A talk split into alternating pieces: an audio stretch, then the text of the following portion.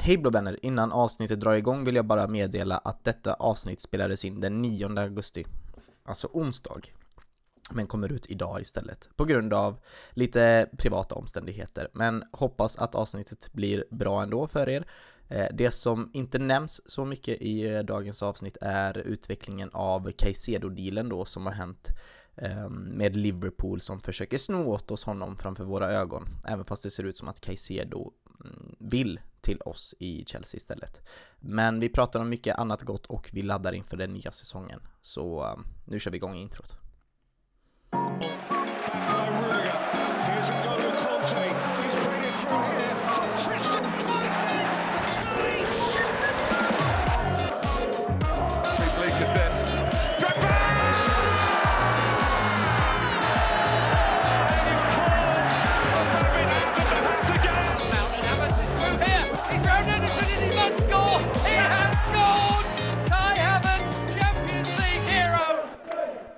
Ja, då var vi tillbaka mina blå vänner. Varmt välkomna till avsnitt 200 av Chelsea-podden by CSS. Den enda svenska Chelsea-podden skapad och manövrerad av Chelsea Supporters Sweden.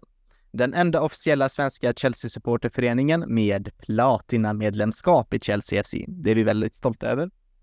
För att vi ska kunna retaina den här platinamedlemskapen så hade det hjälpt extremt mycket om ni går in och blir medlemmar i Chelsea Supporters Sweden.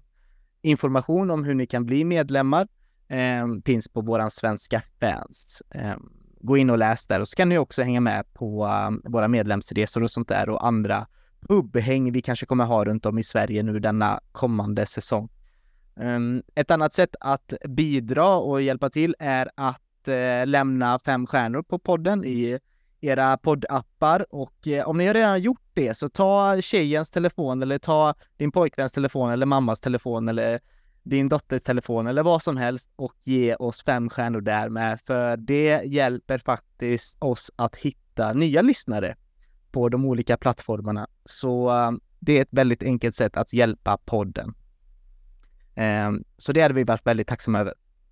Mitt namn är Patrik Petko och jag är här tillsammans med eh, jubileumpanelen avsnitt 200 grabbar. Det är ju rätt häftigt. Vi är fulltaliga idag förutom Fredrik Temmes som eh, tyvärr inte kunde vara med idag. Men han kommer nog tillbaka eh, nästa vecka, tror vi och hoppas vi. Men vi har ändå en fin panel samlad och vi, hade, vi hade ju hintat om att det kanske skulle komma en speciell gäst idag, men eh, det sket sig höll jag på att säga, men det, det kanske blir eh, någon annan gång re- senare in i, eh, på sommaren eller i början på hösten. Men vi hoppas att eh, denna gäst kan komma till podden så snart som möjligt. Men ni ska inte vara missnöjda för det här härliga gänget kan ändå leverera ett bra jubileumsavsnitt. Det kan jag verkligen lova. Jag är här med Viktor Lidvall och Linus Sjöström i fina former och fina frisyrer. Eh, hur mår ni grabbar? Hur mår du Viktor? Eh, Bara fint Patrik. Eh, Det får väl säga att kan iklämma rollen som gäst i och med att jag bommade senaste avsnittet. Så jag får fylla de skorna. Ja, du får, du får ta dubbelt snack idag helt enkelt. Du har mycket att säga säkert. Ja, exakt. Ja, om jag ska prata dubbelt så mycket eller fylla två röster så kan det bli jobbigt. Mm. Hör du, du som ändå blöder blått, hur känns det att ha Reece James som kapten? Eh, Det känns klockrent för min del. Det är eh, nutid och framtid. Eh, Så att det fanns egentligen ingen anledning till att vänta med utnämningen av honom att eh, hålla på riktigt en säsong, utan det är helt perfekt i mina ögon. Vi alla eh, blöder ju faktiskt blått, eh, måste jag bara tillägga. Eh, men det känns som att eh, Victor Lidvall är en riktigt nitisk eh, mini-Chelsea Youth alla, alla Sweden eh, som verkligen har koll och älskar alla våra produkter som kommer ut ifrån vår fina akademi från Cobham.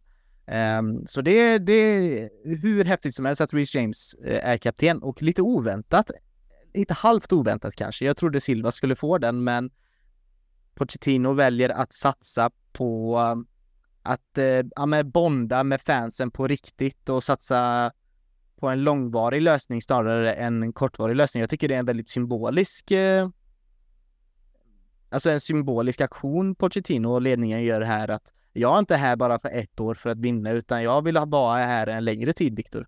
Ja, precis. Och jag tror, eh, som du är inne på lite grann, att det hade varit ett bekvämt val att eh, kanske ge den till Thiago Silva som har eh, burit kaptensbindeln för Brasilien hur många gånger som helst och haft den i PSG och Milan. Så att eh, det, hade ju varit svårt att ifrågasätta det också. Men eh, sagt lite lätt kanske att eh, ta det valet. För det, det är bevisligen en spelare med ledaregenskaper. Men eh, eh, Reece James är ett helt perfekt val.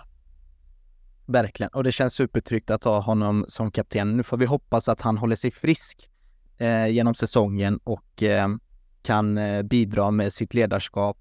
Eh, ibland tysta ledarskap på plan, men framförallt visa hur man representerar klubben på bästa sätt eh, på plan. Och utanför självklart. Eh, Linus, eh, våra tröjnummer har kommit ut inför säsongen. Några, någonting som chockade Nej, jag gillar mest att eh, inte Jackson tog nummer nio. Att han ändå valde att skippa det jädra numret, för det har inte gått så bra senaste. Och även att Enzo tar åttan och alltså det... Sen är jag lite tveksam till Mydriks val av tio där. Eh, dela. Det är inte bara han som är med i det valet, men det, det där känns lite tufft på förhand, för tian är alltid tuff att bära. Men eh, jag älskar nog mest att Enzo bär åttan lite. Ja, men Lampard, du vet, är mycket fina 80 genom åren, så den, eh, den gillar jag skarpt. Jag tyckte han klädde sig bra i, i nummer fem faktiskt. Ja, det, det tyckte jag också. Men eh, han kanske, han vill ha lite mer historiskt i åttan då. Men eh, femman har ju också varit härliga lirare. Jag tänker på Essien bland annat och han påminner lite om Essien i spelartypen också. Så ja, nej, men eh, det finns en hel del klarheter i de här numren nu. För under försäsongen så spelar han ju med otroligt konstiga nummer så det är skönt ändå att få ner numren på de mer normala siffrorna så det inte blir som i Italien när man spelar med nummer 46, 47, 48 på ryggen och, och vidare. Jag diggar ändå Jacksons 15. Eh, mm. Ja, Modrics 10 är ändå, visst, ah, det är inte så att det är en stor tröja att fylla nu efter Pulisic, men det är ändå ett historiskt eh, nummer att bära och det kanske hade klätt någon som eh, Kristoffer Nkunku lite bättre, eh, tror jag. Eh, ja, jag tycker om att prata tröjnummer. Det är faktiskt ganska viktigt eh, tycker jag. De blir ju symboliska och ibland eh, odödliga. Mm. Om, man, eh, om man använder dem och eh, ja, behandlar den med eh, ära och på rätt sätt. Och ett sånt nummer är ju nummer 26 eh, Linus ändå och den fick ju Levi Colwill. Mm. Ja, men det känns faktiskt helt rätt också och liksom det, visst, det är ett, det är ett tungt nummer att bära upp och föra vidare. Men är det någon spelare jag ser ska ha det numret så är det faktiskt Cowell. Och eh, alltså så bra han har varit eh, tidigare under säsongen nu, framförallt i Brighton och det känns verkligen nu under försäsongen också, också att han har ju tagit steg för steg så att jag tror att han bara kommer växa in i den här rollen och eh, ja, jag tror stenhårt på honom. Vi som är lite vidskepliga, Viktor, eh, var det tröjnumret som sänkte Koulibaly? Eh, för en bra fråga.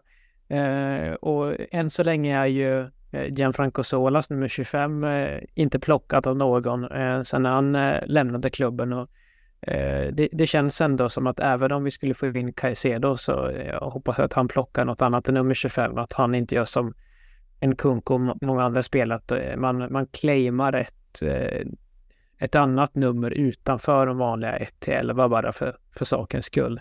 Eh, men, och, och ja, som sagt, då kanske det var då att eh, Kolibali kom utifrån och att han inte var en, en eh, Chelsea-produkt. Eh, det, det ska vara en sån som Levi Colwill som faktiskt bär upp det numret.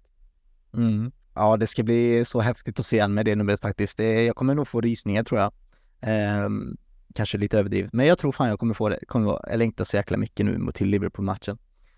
Um, hörni, innan vi drar igång eh, självaste um, körschemat här så har det kommit in en fråga från Jonas Frank eh, i våran poddgrupp då på Facebook. Alltså gruppen heter Chelsea-podden by CSS. Ja, det är så ni hittar den på uh, Facebook. Vi finns ju även på Twitter och eh, vi har en jättebra Discord också. Eh, länkarna till alla våra sociala medier och våra grupper kommer jag lista i eh, avsnittsbeskrivningen.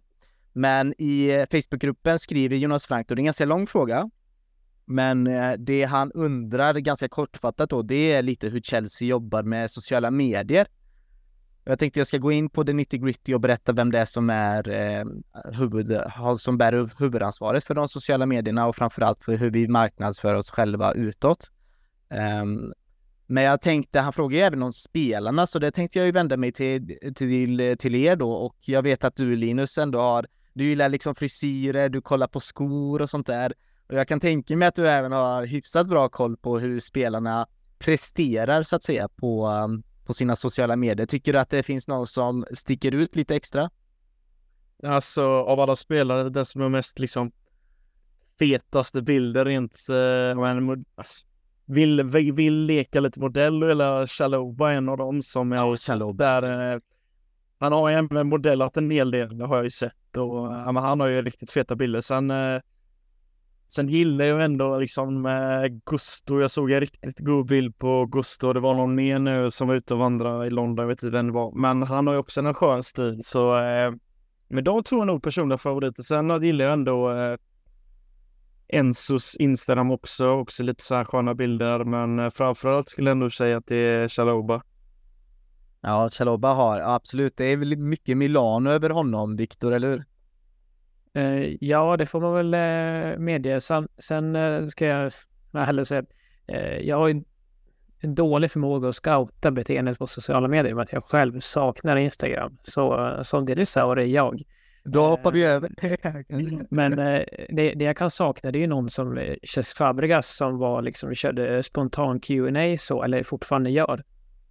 Han, han gillade ju verkligen Twitter och även om vad som händer med den plattformen Eh, har vi varit inne på lite grann eh, tidigare avsnitt. Så att eh, det, det, det jag kan sakna någon som har ett riktigt bra Twitter-game. Det eh, eh, saknar jag i dagens trupp. Twitter är ju ändå en sociala media och hur tycker du, där är du ändå hyfsat aktiv och följer eh, en hel del. Hur tycker du Chelsea som klubb framställer sig själv och eh, ja, med sin produkt och varumärket och klubben framförallt då? Eh, jag tycker att eh, det är lite ambivalent uttryck, så jag är beredd att hålla med Jonas eh, där när han formulerar sin fråga, att det är lite alltså, plockepinn där med hur man, det är, ingen rak och tydlig linje på hur man kommunicerar, utan man är trendkänslig och man, man plockar upp lite inspiration här varstans ifrån. Så att, men det, det var också någonting som jag upplevde att det, det, det var lite så redan innan takeovern, så det är inget eh, något som ska, nya ägarskapet ska beskyllas för. Eh, Medan vi är inne på det hur, hur klubben sköter sig så är jag väldigt glad att de har slutat med den här förbaskade silly-spalten som de hade. Att de själva presenterade medieuppgifter som att det ja, sam sammanställde silly nyheter på den officiella hemsidan. Det, det, så konstigt. det är inte deras uppgift. Så det är jag glad att de har tagit bort. Mm. Ja, det, det är otroligt märkligt. Jag blev förvånad varje gång de gjorde det och då tänkte man, är detta bara för att spä på riktigt och göra det hetare eller varför gör man det här? Finns det någon tanke bakom det? Eh, ingen aning varför de gjorde det, men det är väldigt konstigt. Men någon annan som ändå jag tycker sticker ut lite nu med, från de nya spelarna är ändå Mihailo Modric. Han, jag tycker han är ändå väldigt aktiv på, um, du har ju ändå Instagram Linus, du följer väl, eh, följer du Modric? Ja, jag gör det. Jag minns även den härliga storyn han la ut på den här gubben som var på gymmet. Eh, det var där i, eh, i våras nu när han fick otroligt mycket kritik för den eh, videon. Kommer du ihåg den?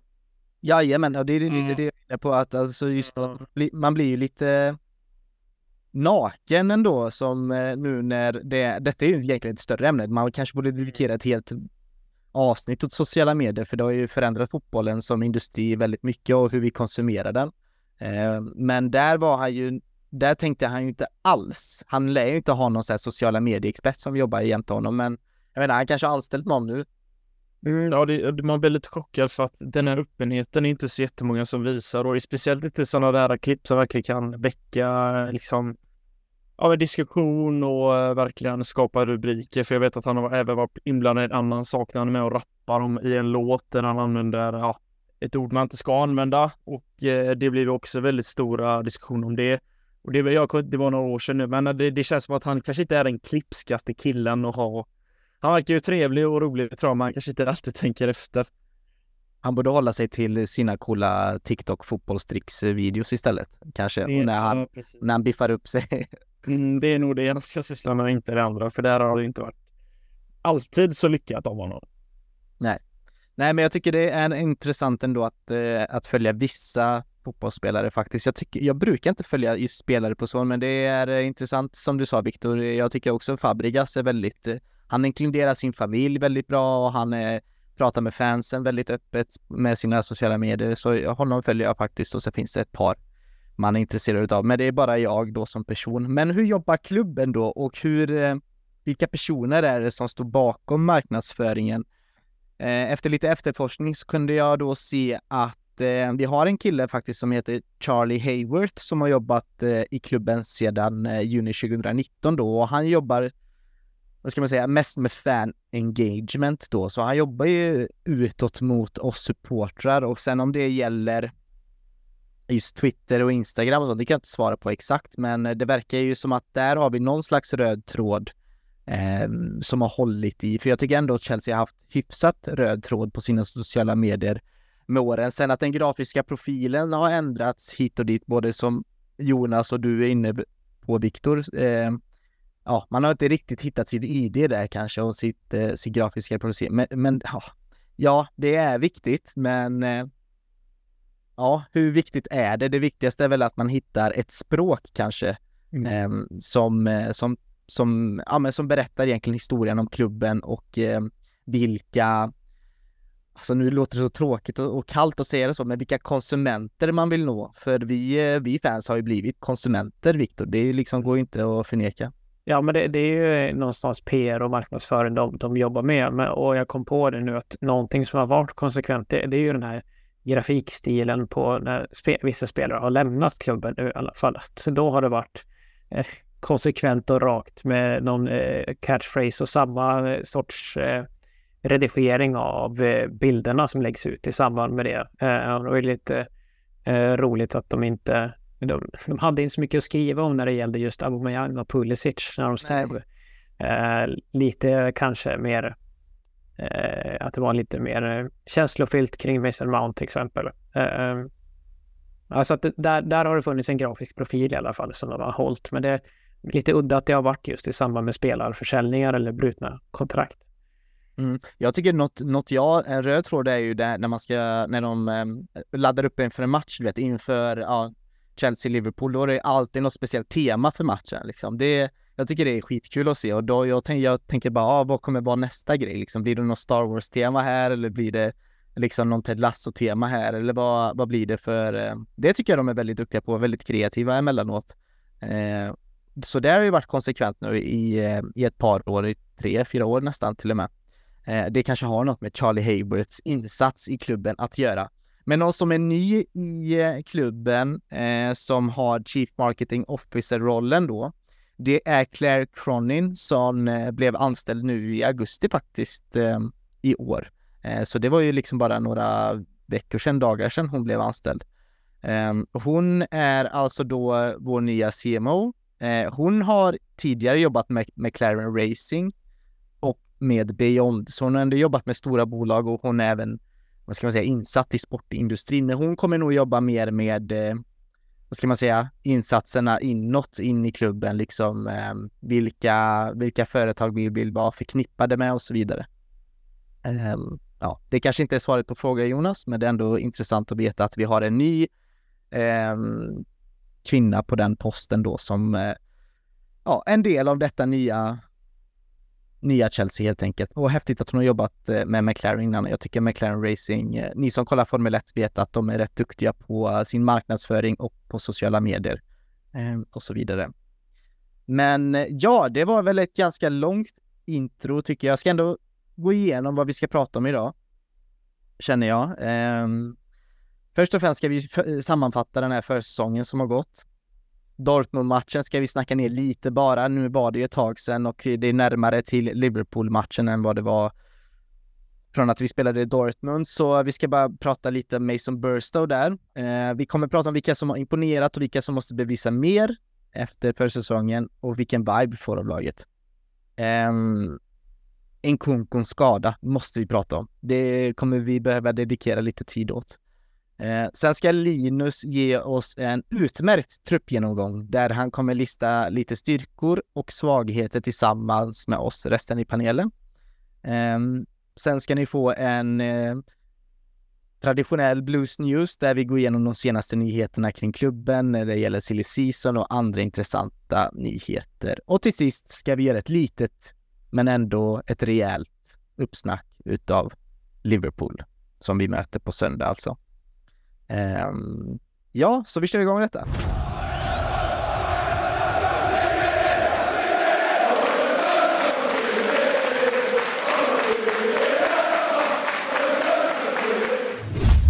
Ja, försäsongen är officiellt över. Kan man säga att den tog slut i måndags där, eller i tisdags när de kom tillbaka till Cobham och man börjar ladda upp inför eh, ligapremiären. Jag vet att Pochettino gav eh, grabbarna ledigt eh, från, vad var det, från lördag, söndag, måndag tror jag han gav dem ledigt och på tisdag så behövde de infinna sig på Cobham för att eh, ladda upp inför ligastarten. Um, ja, det känns väl bra att, att vi är igång Viktor i alla fall va?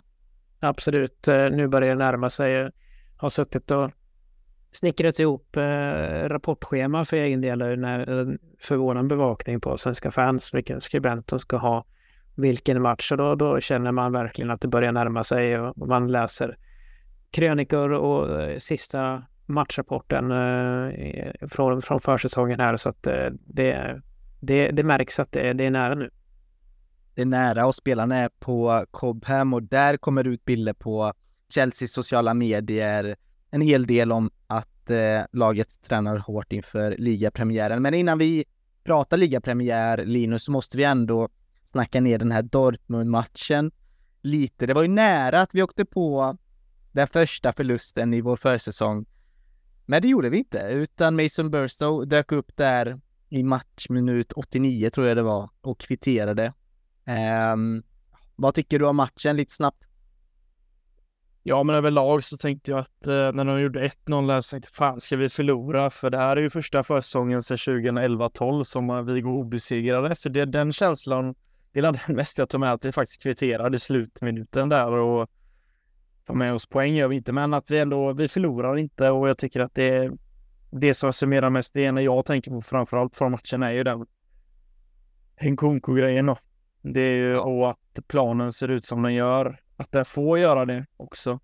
Och nej, men det, det blir svårt också att tänka på matchen utifrån hur det blev för att den skadan påverkar oss otroligt mycket inför både helgen och egentligen hela hösten för oss och slutet på den här transfermarknaden. Så ja, det, det, det är lite sur eftersmak efter matchen trots att vi inte förlorar då. Det är lite så jag känner överlag och att vi ändå fick se en hel del spelare som kommer vara i en startelva för Chelsea mot Liverpool. Men överlag så tycker jag att det, det är en sur eftersmak på den.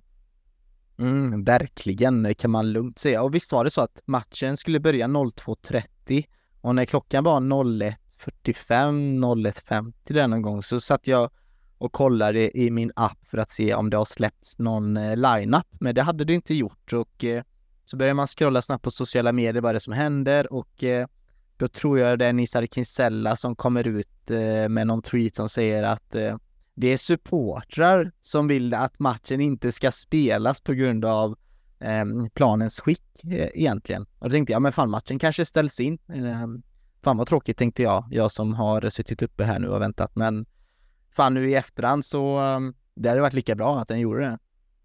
Ja, och lite också hur, eh, hur, hur ens, man kan ens förbereda att det var, jag tror det har varit en Ed Sheeran-konsert där innan. Ja. Att eh, den planeringen, att man inte, då får man ju fasen hålla standard på att mattan ska hålla för att spela två lag som ska snart gå in i en ny säsong och så eh, skadar sig spelarna också på den.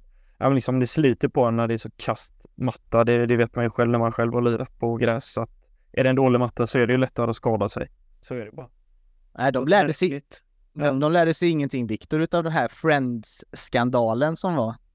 Nej, precis så. Så Loftus Cheeks eh, skada eh, drog på sig en sån här post-season friendly eh, som eh, nu var det ju faktiskt riktigt för riktigt försäsong, men en jämförbar plan i alla fall. Eh, så det är klart att man associerar skadorna med det. Men det, det låter märkligt om eh, eh fördomar om amerikanska eh, eh, supportrar kanske, men att eh, de då skulle frångå pengarna de lagt ut på biljett för att eh, bevara spelarnas hälsa. Det, det låter konstigt om det är de som försöker sätta stopp för, för att matchen ska spelas. Det låter inte riktigt likt den, eh, så att säga, konsumentkulturen.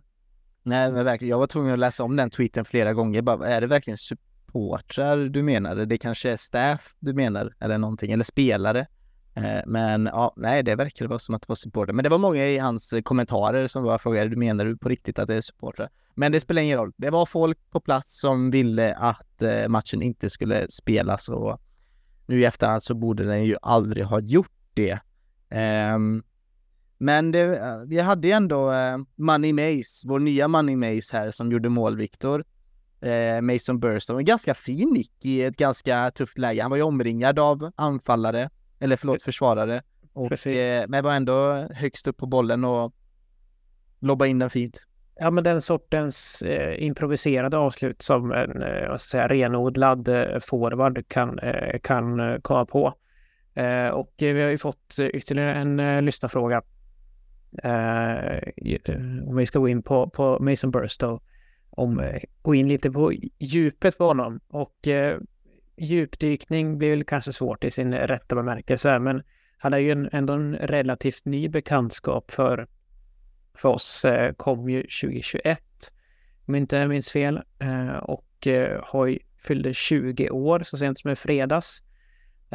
Och det var under den gångna säsongen som han eh, hade en ganska framträdande roll i, i framförallt u laget Att han eh, var en del av stommen där.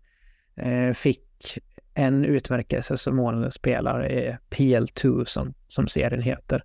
Eh, och de prestationerna belönas ju med en utlåning till Charlton. Eh, precis som Casadei så lånas han ut här på andra halvan av säsongen.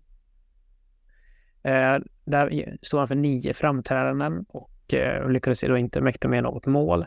Eh, men allting talar ju för att han eh, kommer lånas ut även denna säsongen. Det kanske då blir ett säsongslångt lån, vilket nog är det bästa för, för hans utveckling Men även om det nu är en Kunku är skadad så är det väl lite väl många namn före honom på, i, uppe i kedjan.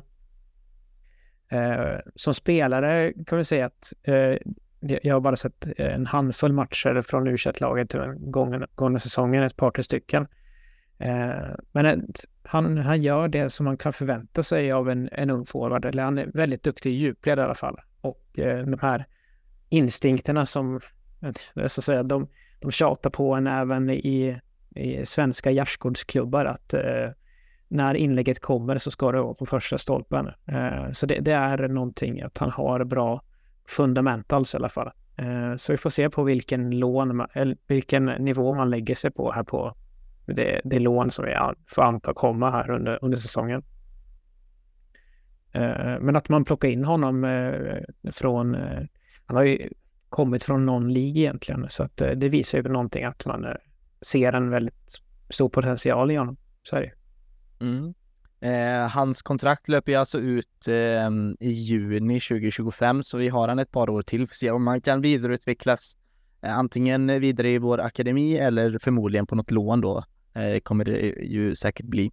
Eh, ja, han är 1,87 lång också. Det märkte man ju att han hade ju ändå längden med sig och jag, ja, jag tänkte väl inte honom som en target direkt, men eh, han visade på ganska hyfsat. Nu har jag bara sett honom i, i den här matchen Eh, och något annat inhopp också som han har gjort. Eh, men eh, ja, jag tycker att han ändå hyfsat imponerar. Men trots allt, alltså, om man tänker på någon som är 20 bast liksom så och så ser man i världsfotbollen att det kryllar av redan världsklass 19-åringar och 20-åringar. Så tänker man att är han kanske en late bloomer? Är det, är det taskigt att kalla någon som är 20 år för en late bloomer? Jag vet inte, men, men ja, jag, jag har inte i alla fall sett någonting som får mig att eh, gå igång i alla fall. Ja, men det, det är väl eh, skeva förväntningar nu, eh, men så att eh, Höjlund har en genombrottssäsong, alltså att det, det, går så fruktansvärt fort nu innan man ska vara eh, världsklass eller inte världsklass och eh, innan man eh, som sagt att Chelsea lägger halva transferbudgeten man spelar. Det känns som att det krävs eh, tre bra månader eh, eller klubbar av Chelseas storlek att vi ska nappa på, på sådana prestationer. Men att, det var lite cyniskt ändå. Ja, Det- det, det, det, det har ingenting med Chelseas transfersommar att göra. Det var bara eh, använda oss som ett exempel. Mm. Eh, men att eh, det är eh, särskilt eh, The Athletic gjorde en, en genomgång på det här att, eh, vad ska jag säga, forwards eh, pikar ju senare än vissa andra positioner på fotbollsplanen. Att eh, de kan vara 27, 28, 29 när de når sin, sin bästa nivå. Och där har man ju Erling Haaland då kanske och eh, Mbappé som två undantag som bekräftar regeln. Men att eh, det, det är i de flesta fallen eh, i de åldrarna som man får ut de bästa säsongerna av en eh, nia. Det är ju, för mig är nog det den absolut svåraste positionen att spela, eh, tror jag, i fotboll. Eh, Linus, du som spelar fotboll, jag, jag spelade fram tills att jag var 14-15 bast liksom, så vad minns jag? Men anfallare och kanske målvakt också. Men just eh, att göra mål, det är ju att eh, du har den pressen över dig hela tiden, att du är utbytbar, speciellt när det kommer till en, till en eh, elitklubb liksom. Ja, men alltså lite så. Eh, jag har ju spelat division 6 och division 7, så du pratar inte med ett proffs här, men eh, generellt med forwards brukar ju att eh, rutin brukar ju oftast vara en fördel när det kommer till de här lägre divisionerna. Och oftast har dessa forwards, de har fasen alltid 15-20 mål i sig i, i alla fall i Göteborgsserien och det är alltid samma gubbar. De vet vart målet är och de avslutar på samma sätt. Så jag tänker att är man proffs och får liksom träna på det här en gång, en, en gång om dagen så tänker jag att det borde inte vara några problem och även om det är en ung kille, men får han bara träna på och få sin speltid på ett lån till så tänker jag, vad fasen då, han har ju tid att bygga på sig och eh, lära sig vart målet finns, för det känns som att kan en gubbe som jag spelar med som är 50 år träna en gång i veckan och ändå göra tre baljer per helg, då borde, den kunna, då borde han kunna göra det som lever för fotbollen, eller? Ja, ja, det är, alltså klarar han inte av det så är han välkommen till Göteborgsserien. Ja, jo, liksom det. Ja. Välkommen Mason, kom till fot i division 6. Vi ligger lite pyrt i botten, men välkommen. Nej men, eh, ja, men jag tycker du gör en bra poäng Viktor där faktiskt att det är eh, en eh, att man kanske kräver lite för mycket då, men framförallt att det är en position som eh, kräver rutin, både som ni båda är inne på, och framförallt lite, ja men lite hyfs och lite know-how, för det är ju lite mer psykologisk position också, för du har ju en försvarslinje att tampas med och en målvakt på det. Eh, så det att tajma löpningar och eh, ha lite, vad ska man säga, lite liksom the know-how. Du vet, du vet, ni har säkert träffat människor som man bara, ah shit, hon fattar eller han fattar, de har koll på grejer liksom. Liksom de här gudfadern-auran liksom. Jag tror att eh, ju mer utav sån aura du har, eller gudmor-aura ska sägas också, ju mer utav sån aura du har, desto bättre striker blir du. Ska vi bara rabbla upp bra strikers? Ibra har det, Benzema har det. Mm. Så du vet, de är ju liksom, de är ju, de du går, om du har problem. Drogba har det. Costa har det inte kanske. Nej. Nej, men det är också någonting jag förknippar med det här. Det, är att eh, kunna ha lite ensam cirkus när det krävs. Att när det står och väger att kunna skapa någonting på, på egen hand. Eh, och det är någon, de namnen du ramlar upp har, har ju det. Så är det. Så är det. Men det är Samtidigt- någonting, eh, det, det tog ju, även om Benzema var jättelovande när han kom från Lyon, det tog ju tid för honom att liksom växa ut till den, Eh, den världsklass nia som han blev. Eh, och Drogba vet vi också vilken lekblomme det var.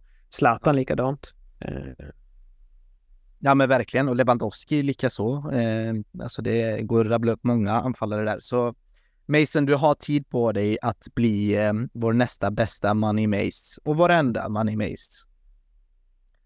Eh, vi går vidare till eh, vilka det är som har imponerat mest tycker jag. Jag tycker vi stänger Dortmund-matchen för det var inte så mycket mer intressant och eh, vi kommer prata om en konkoskada lite, lite djupare. Eh, främst vad det har för eh, innebörd av, på laget då. Men vilka tycker ni har imponerat mest och vilka tycker ni borde bevisa lite mer nu när säsongen kickar igång? Ehm, jag har ju ett namn som vi redan har pratat om tre gånger i rad här känns det som, men det är ju Ströling. Måste ju bevisa mer eh, redan när säsongen kickar igång, Linus. Ja, men så är det. Och det... Att han får nummer sju lite nu känns, tyckte jag, känns fel.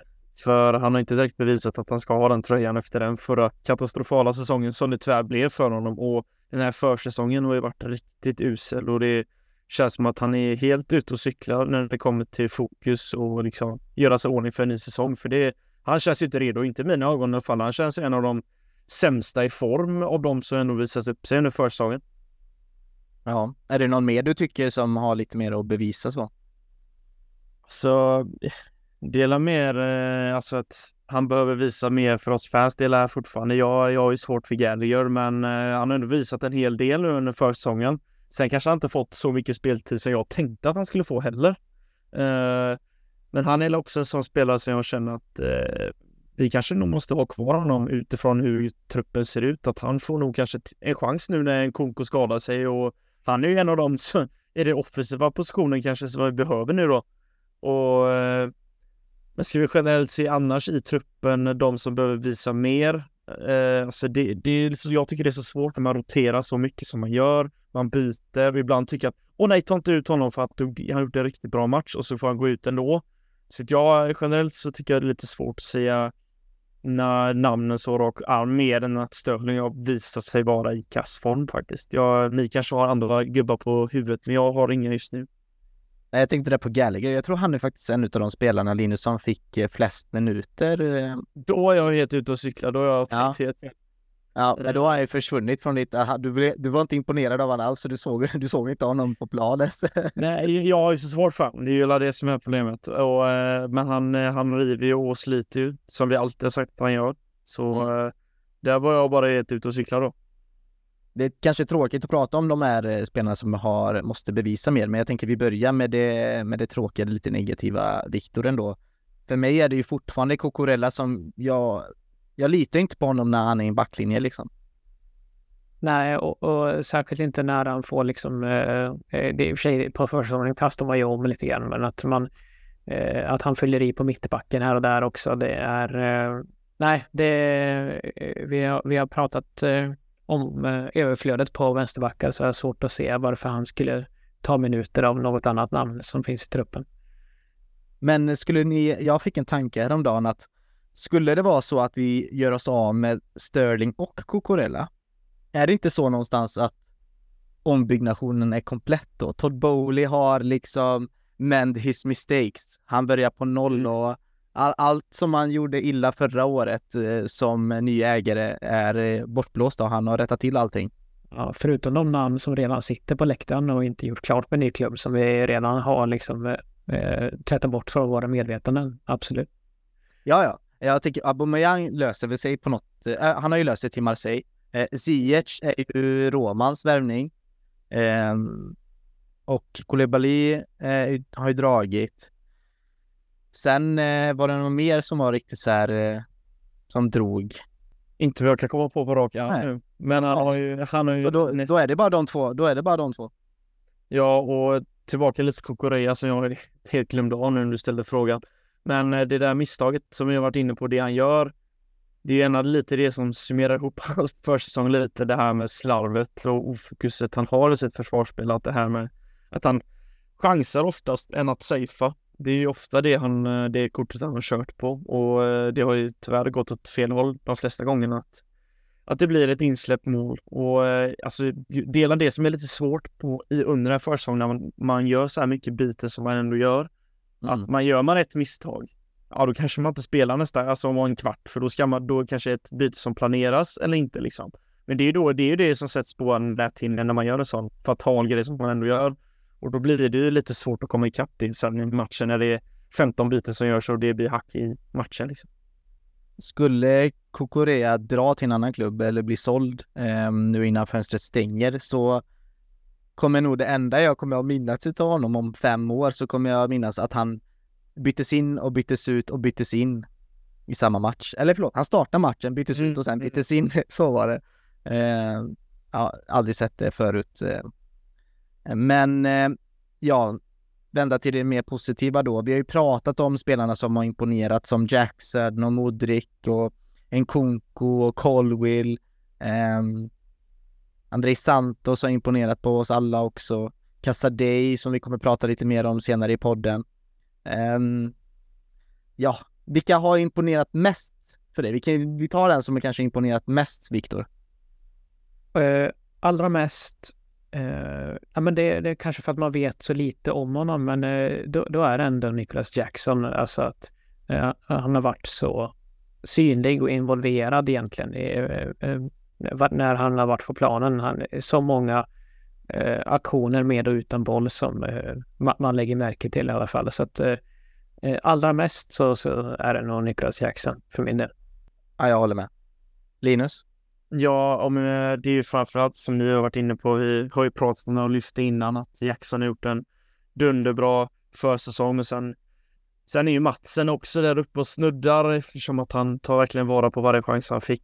Eh, så att, men jag får nog ändå som ni säger att det är nog Jackson som gör det mesta avtrycket tack vare att han kommer liksom som en värvning från ingenstans. Att ingen riktigt hade någon koll på honom mer än att han gjorde en väldigt bra vårsäsong i Villarreal och så kommer han in på det här sättet och agerar liksom med någon inställning att jag, jag kör bara så skiter jag i liksom den där agiva-fuck-mentaliteten eh, som behövs. Alltså jag menar, vi har haft så mycket stappliga anfallare genom åren som bara det har liksom satt sig i huvudet på. Och det här är raka motsatsen, så det känns som att vi kan ha någonting på gång. Vi får inte jinxa, men eh, fan, det känns bra. Ja, det, du, jag tycker du är verkligen inne på någonting där Linus, att han, han kommer att ta för sig och inte bryr sig om pressen riktigt. Eh, mm. Utan han vänder det till sin egen eh, fördel egentligen och vill bli älskad av fansen. Det känns som att han är hungrig för, för, att, för framgång helt enkelt. Men ja, precis som du är inne på Linus också, det med Ayan Matsen som mm. Eh, har tagit över Kai Havertz gamla tröjnummer 29. Mm. Eh, gjorde faktiskt en jättefin försäsong och framförallt har visat sig vara väldigt eh, användbar på många olika positioner. Och han kommer nog ha en eh, nyckelroll i eh, denna trupp och i detta lag eh, kommande säsongen, tror jag. Men vad får, vi, mm, vad får vi för vibe av laget annars? För mig jag tycker att det känns eh, harmoniskt och de känns eh, sammansvetsade och bra kemi och liksom bra karaktär. Vi var inne på Jackson. Visst, han gör, han gör fina grejer på plan, men han verkar vara en riktigt stor karaktär utanför plan med och eh, ja, men det känns som att eh, många utav de nya spelarna, att det är bra karaktärer och bra folk liksom. Jo, men så är det och det känns ju framförallt att det är ett lag även utanför planen och de lägger upp bilder på varandra och alltså sånt, sånt gillar jag. Det pratade du och tidigare lite pratade med sociala medier och man ser dem eh, redan ett gäng, de sitter och spelar kort och eh, Uno på bussen där, ett gäng med, jag tror det var Gust och det är Matsen och det är, det är Chopinwake. Alltså det, det känns ändå som att de har blivit ett lag och det är mycket yngre också. Det, det är det som kanske är skönt att folk tar för sig för det är inte så mycket äldre spelare i den här truppen just nu det är några eh, rutinerade, sen är det mycket yngre förmågor och då känner man att man kanske kan ta en större plats i laget från start. Och det kan vara till en fördel givetvis och eh, känna sig en gäng. Och Jackson känns som att han varit länge i klubben bara för att han har eh, kommit in så gött och man har sett de här intervjuerna att han tycker han trivs jättebra med sina lagkompisar. Han gör mål och det är frid och fröjd. Du får ju bara se att det fortsätter nu under säsongen då, för en försäsong kan ju inte prägla hela säsongen. För det har vi ju glömt när vi sitter där i december sen och är antingen jätteglada eller förbannade att eh, den här försäsongen var så här bra liksom. Så att, eh, men det känns ju skönt att det har ändå sett så ljust ut hittills. Mm. Ja, absolut. Eh, Viktor, vad får du för känsla utav uh, truppen och, och, laget då så att säga? Speciellt de som var iväg nu eh, i USA. Och sen eh, skulle du kunna, nu är det lite på uppstuds kanske, men skulle du kunna så här, peka ut vissa spelare och typ vilka roller de har i gruppen, tror du? Om du bara får chansa lite så här utifrån. Vi vet inte hur det är på Cobben, vi vet inte hur stämningen är i laget, men vilka spelare tror du har en eh, viss framträdande roll för att göra gruppen bättre, tror du, av det du vet? Eh, men om vi börjar med laget och viben du får. Eh, laget och viben känner jag framförallt är, är präglad på något vis och lite grann var inne på att det känns som att eh, sportsliga ledningen har eh, tryckt på stora reset-knappen och vill rätta av misstag man, man kanske då har, har gjort eh, under föregående transferfönster.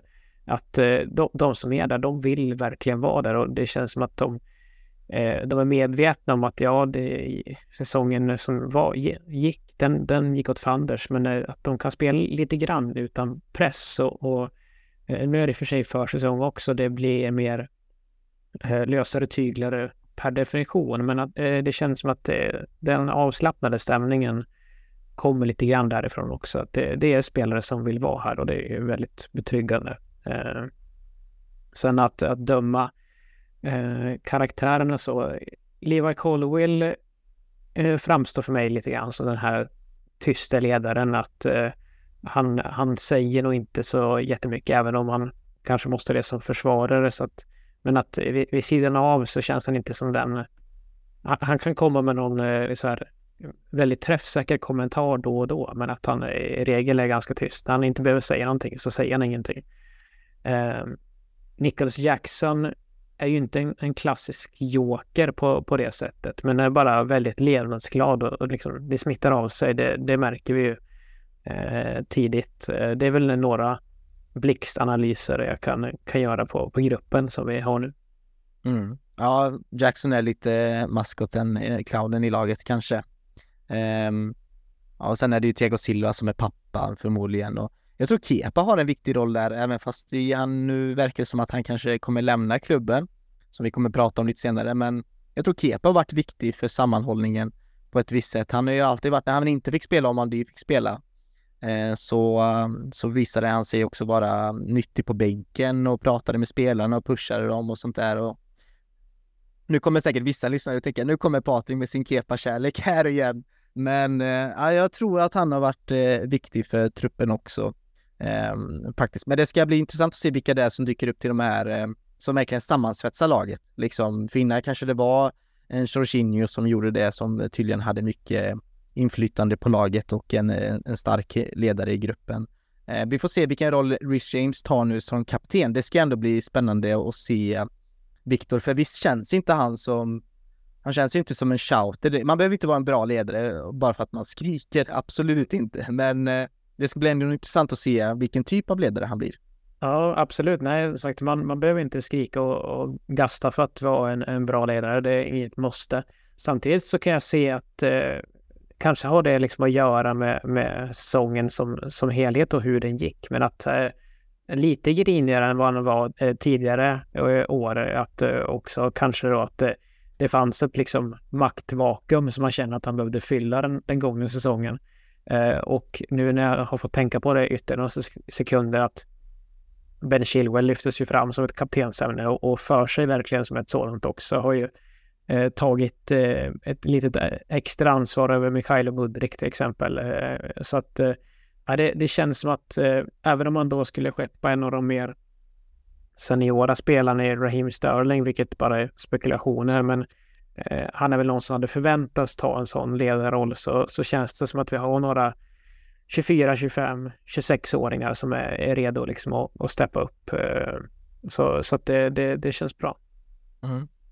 Linus, jag har tänkt på det ibland när Rhys James eh, springer eh, en fin löpning på högerkanten in i boxen liksom och han inte får passen av eh, den centrala mittfältaren, vem det är nu som har bollen. Så istället för att skrika bara jo, jag var här, liksom och markera att du ska passa mig när jag springer här, springer han tillbaka lite tyst. Mm. Och liksom ja, men... shrugga lite. Det kan jag, det vill jag se en ändring på hos Rhys James, att han... Är du med? Jo, men det, det är lite det som är skillnad på han och andra spelare, att han har nog mycket ilska inom sig, eller alltså är han så kylig att han bara liksom släpper det helt när någon gör ett misstag eller så bär han på mycket för ibland kan ni ser ju han kan blixtra till, han kan ju ta på sig röda kort, gula kort när det är en tackling eller han sätter in en ful smäll liksom. Det är nu mycket att han, jag tror han är duktig på att hålla det inom sig. Sen är det frågan om det verkligen är det bästa i längden, om det väl, när det väl smäller, kanske smäller så hårt så att det röda kortet kommer upp. Han kanske behöver, som du säger Patrik, få ut lite ilska och ropa på gubbarna.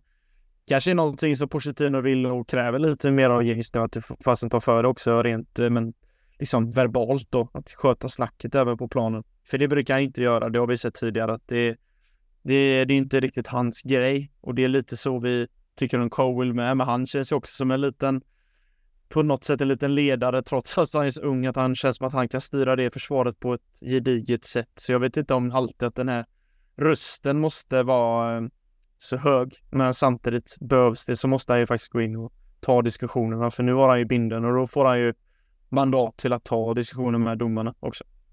Precis ja. Ja, det mm. ska bli intressant att se hur han utvecklas som kapten.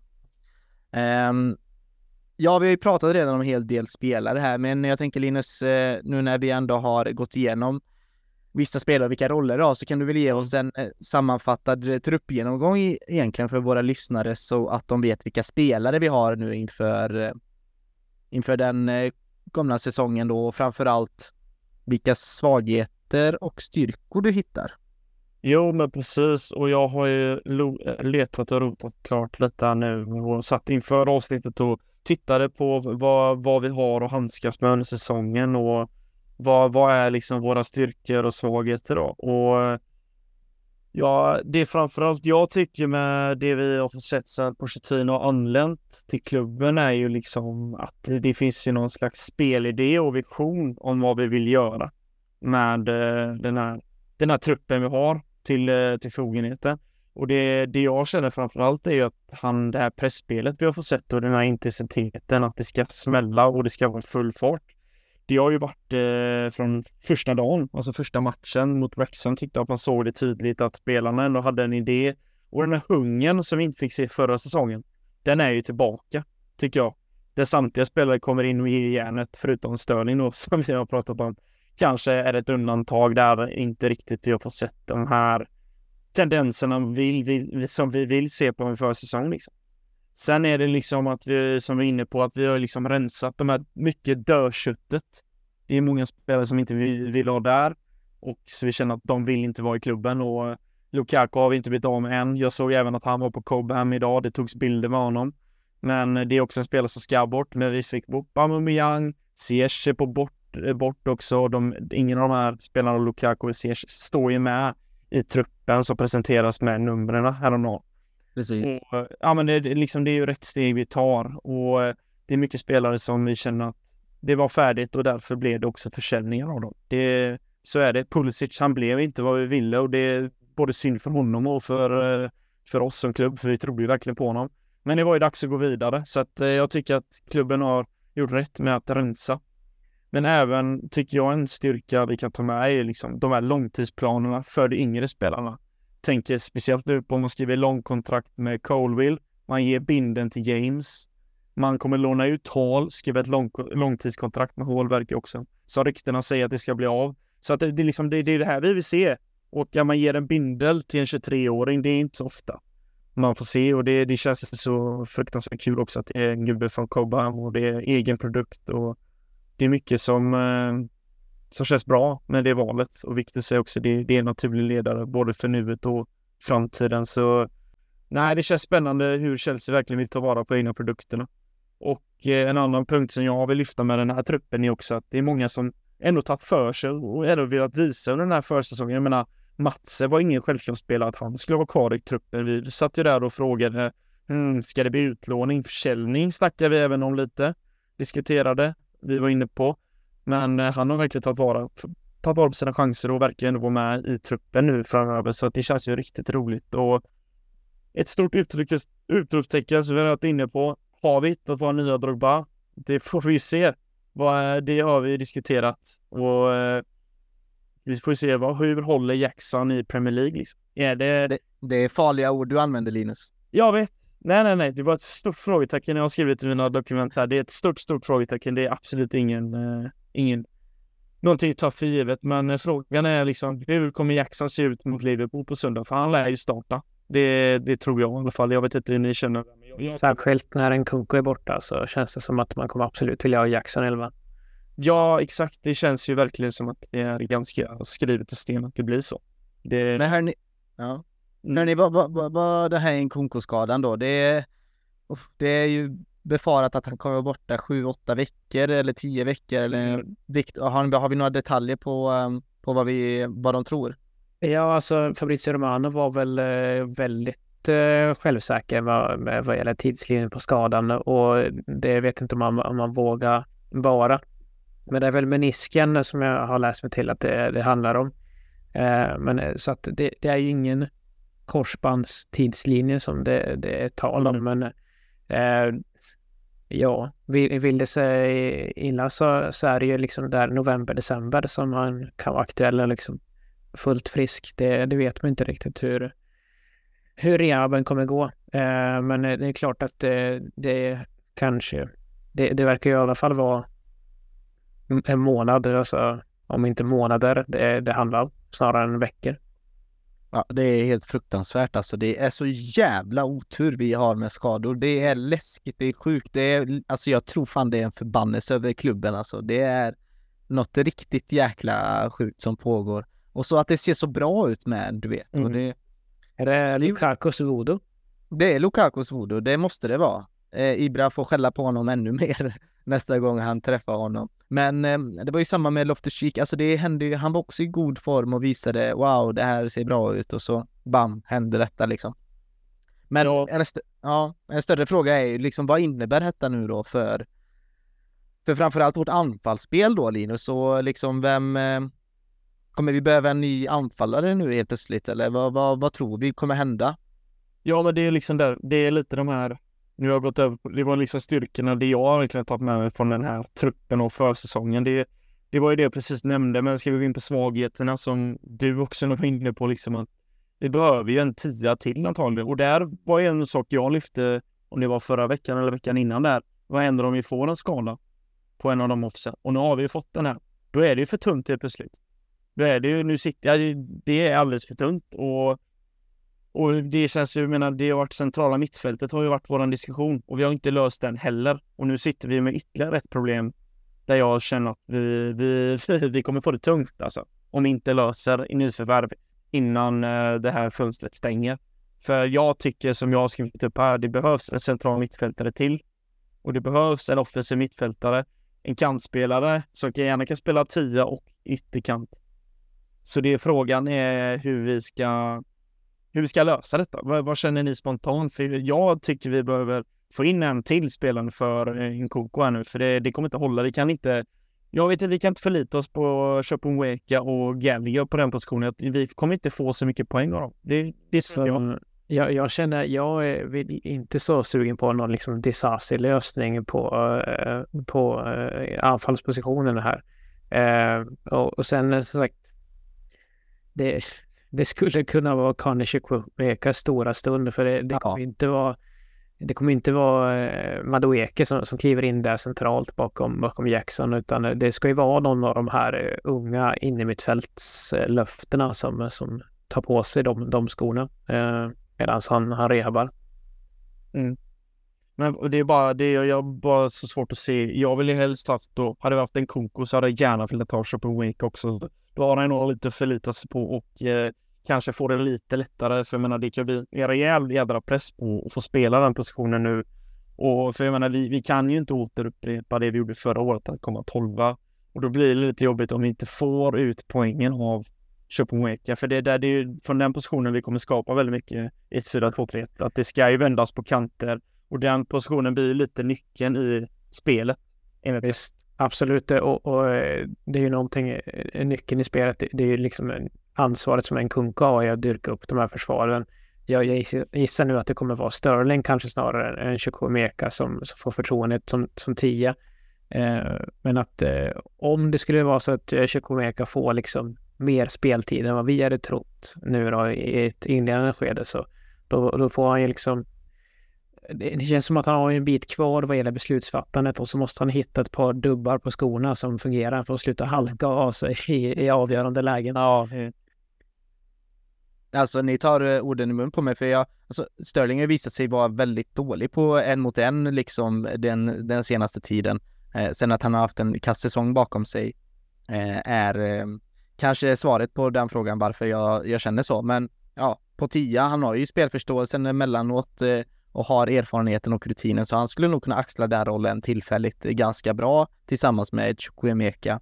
Eh, och det kommer ju leda till att eh, Noni Madueke så fort han blir spelklar till 100% kommer ju också få mer speltid på, på högerkanten då förmodligen. Så absolut, det är ett jättestort tapp med Nkunkos extremt fina teknik och kvalitet och eh, ja men liksom eh, kreativitet och hans, eh, jag vet inte, han dyker eh, dricker upp eh, försvaret precis som du säger.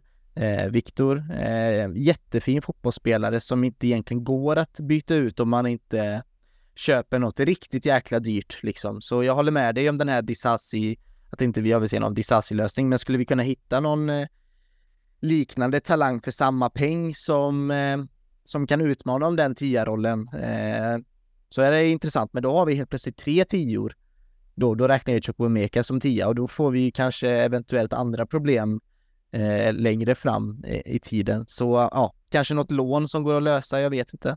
Precis, då är vi plötsligt eh, i samma situation som vi var här i våren, att det, det är alldeles för många spelare som inte får plats i, i matchtruppen. Eh, så att det, vi, vi har eh, räddat till så många misstag här nu rent, rent sportsligt och liksom eh, bankat truppen och fortsätter att eh, Eh, eh, vad ska jag säga, göra oss av med kontrakt som, eh, som bara tar plats. Så att eh, nej, det, det tror jag är rädd att hur lockande den är på en sån viktig position och sagt vi har redan investerat jättemycket i en Kunko så jag, jag, jag tror att en, en sån kortsiktig lösning hade kunnat straffa oss på, på längre sikt.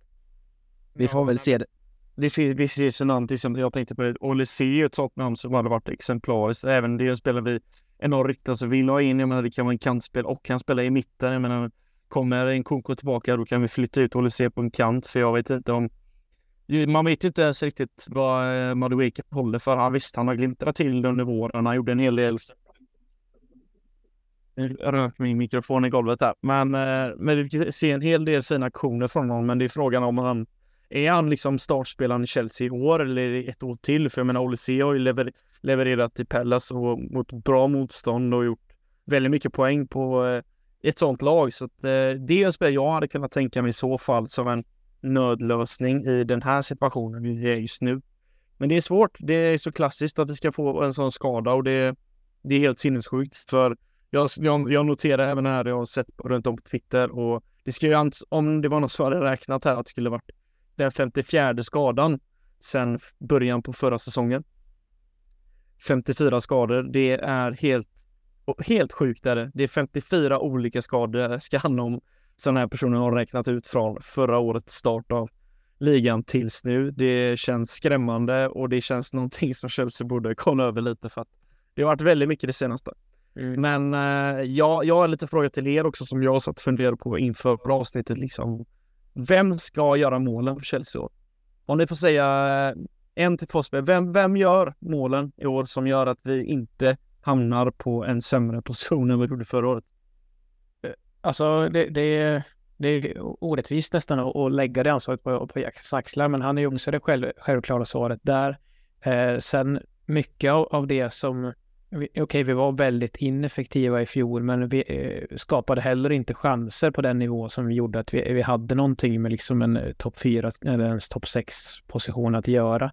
Eh, så att, eh, och det känns verkligen som att vi är på en bättre plats nu vad, vad gäller spelsystem och liksom metod. Så att eh, det, det, kanske inte behöver ha lika stor betydelse vem det är som är på vem som står på bortre och smacka in den så länge vi kan skapa lägen liksom i mer frekvent än vi har gjort, gjorde i fjol.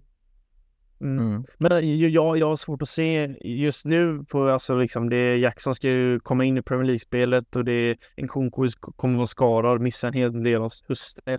Jag har ju svårt att se att någon gör över 20 mål i det här laget. Just nu. Alltså rent eh, generellt. Eh, som du säger, det kan bli utspritt på många spelare. Det spelar ingen roll vem som gör det. Vi ska vinna matcherna. Jag har svårt att se att vi kanske får någon spelare som landar på över 20 mål. Det... Nej, jag vet inte. Vad, vad känner du Patrik? Nej men alltså det, det är en bra fråga för att den har eh... Hade du frågat mig förra året så hade jag nästan tyckt att det var, hade varit svårare att svara vem det är som ska göra mål.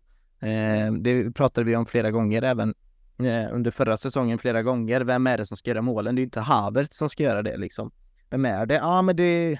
Ja, egentligen skulle det ju varit Lukaku, kommer vi alltid fram till. Men det blev ju som det blev.